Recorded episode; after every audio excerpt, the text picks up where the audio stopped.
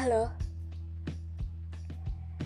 Tulisan ini dibuat pada 7 April 2020 pada pukul 1 dini hari karena sedang dilanda insomnia. Seperti biasa.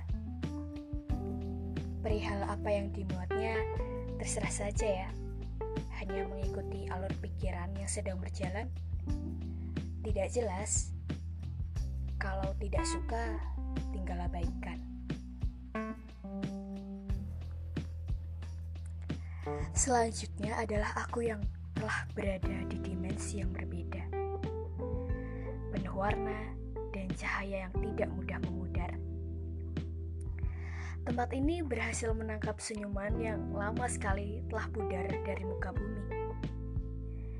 Karena apa?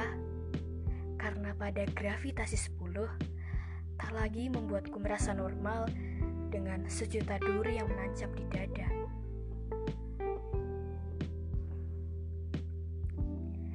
dirayunya kedua bola mataku hingga menyisakan decak kagum tanpa ada hentinya. Lalu yang terpijak di bawah telapak kakiku adalah hal yang menyebalkan, sedangkan yang lain terlihat menertawakan. Sebentar, ada yang ingin sekedar disampaikan. Pada tanggal di mana konjungsi dua planet kesayangan juga datang sebuah lagu yang menggenggam rasa yang abstrak. Sangat abstrak dan membekas.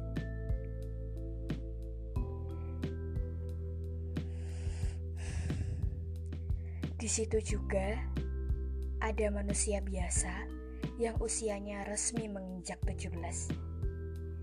Nanti selamat ya.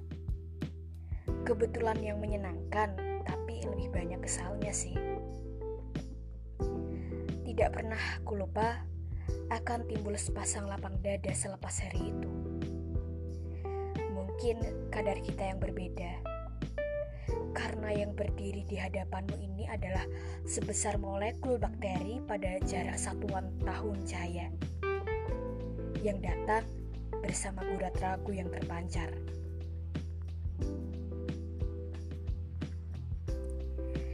Benar tidak? Besar gravitasi berpengaruh terhadap jarak kita kepada Tuhan. Mengapa ia cepat sekali mendengar suaramu? He, canda.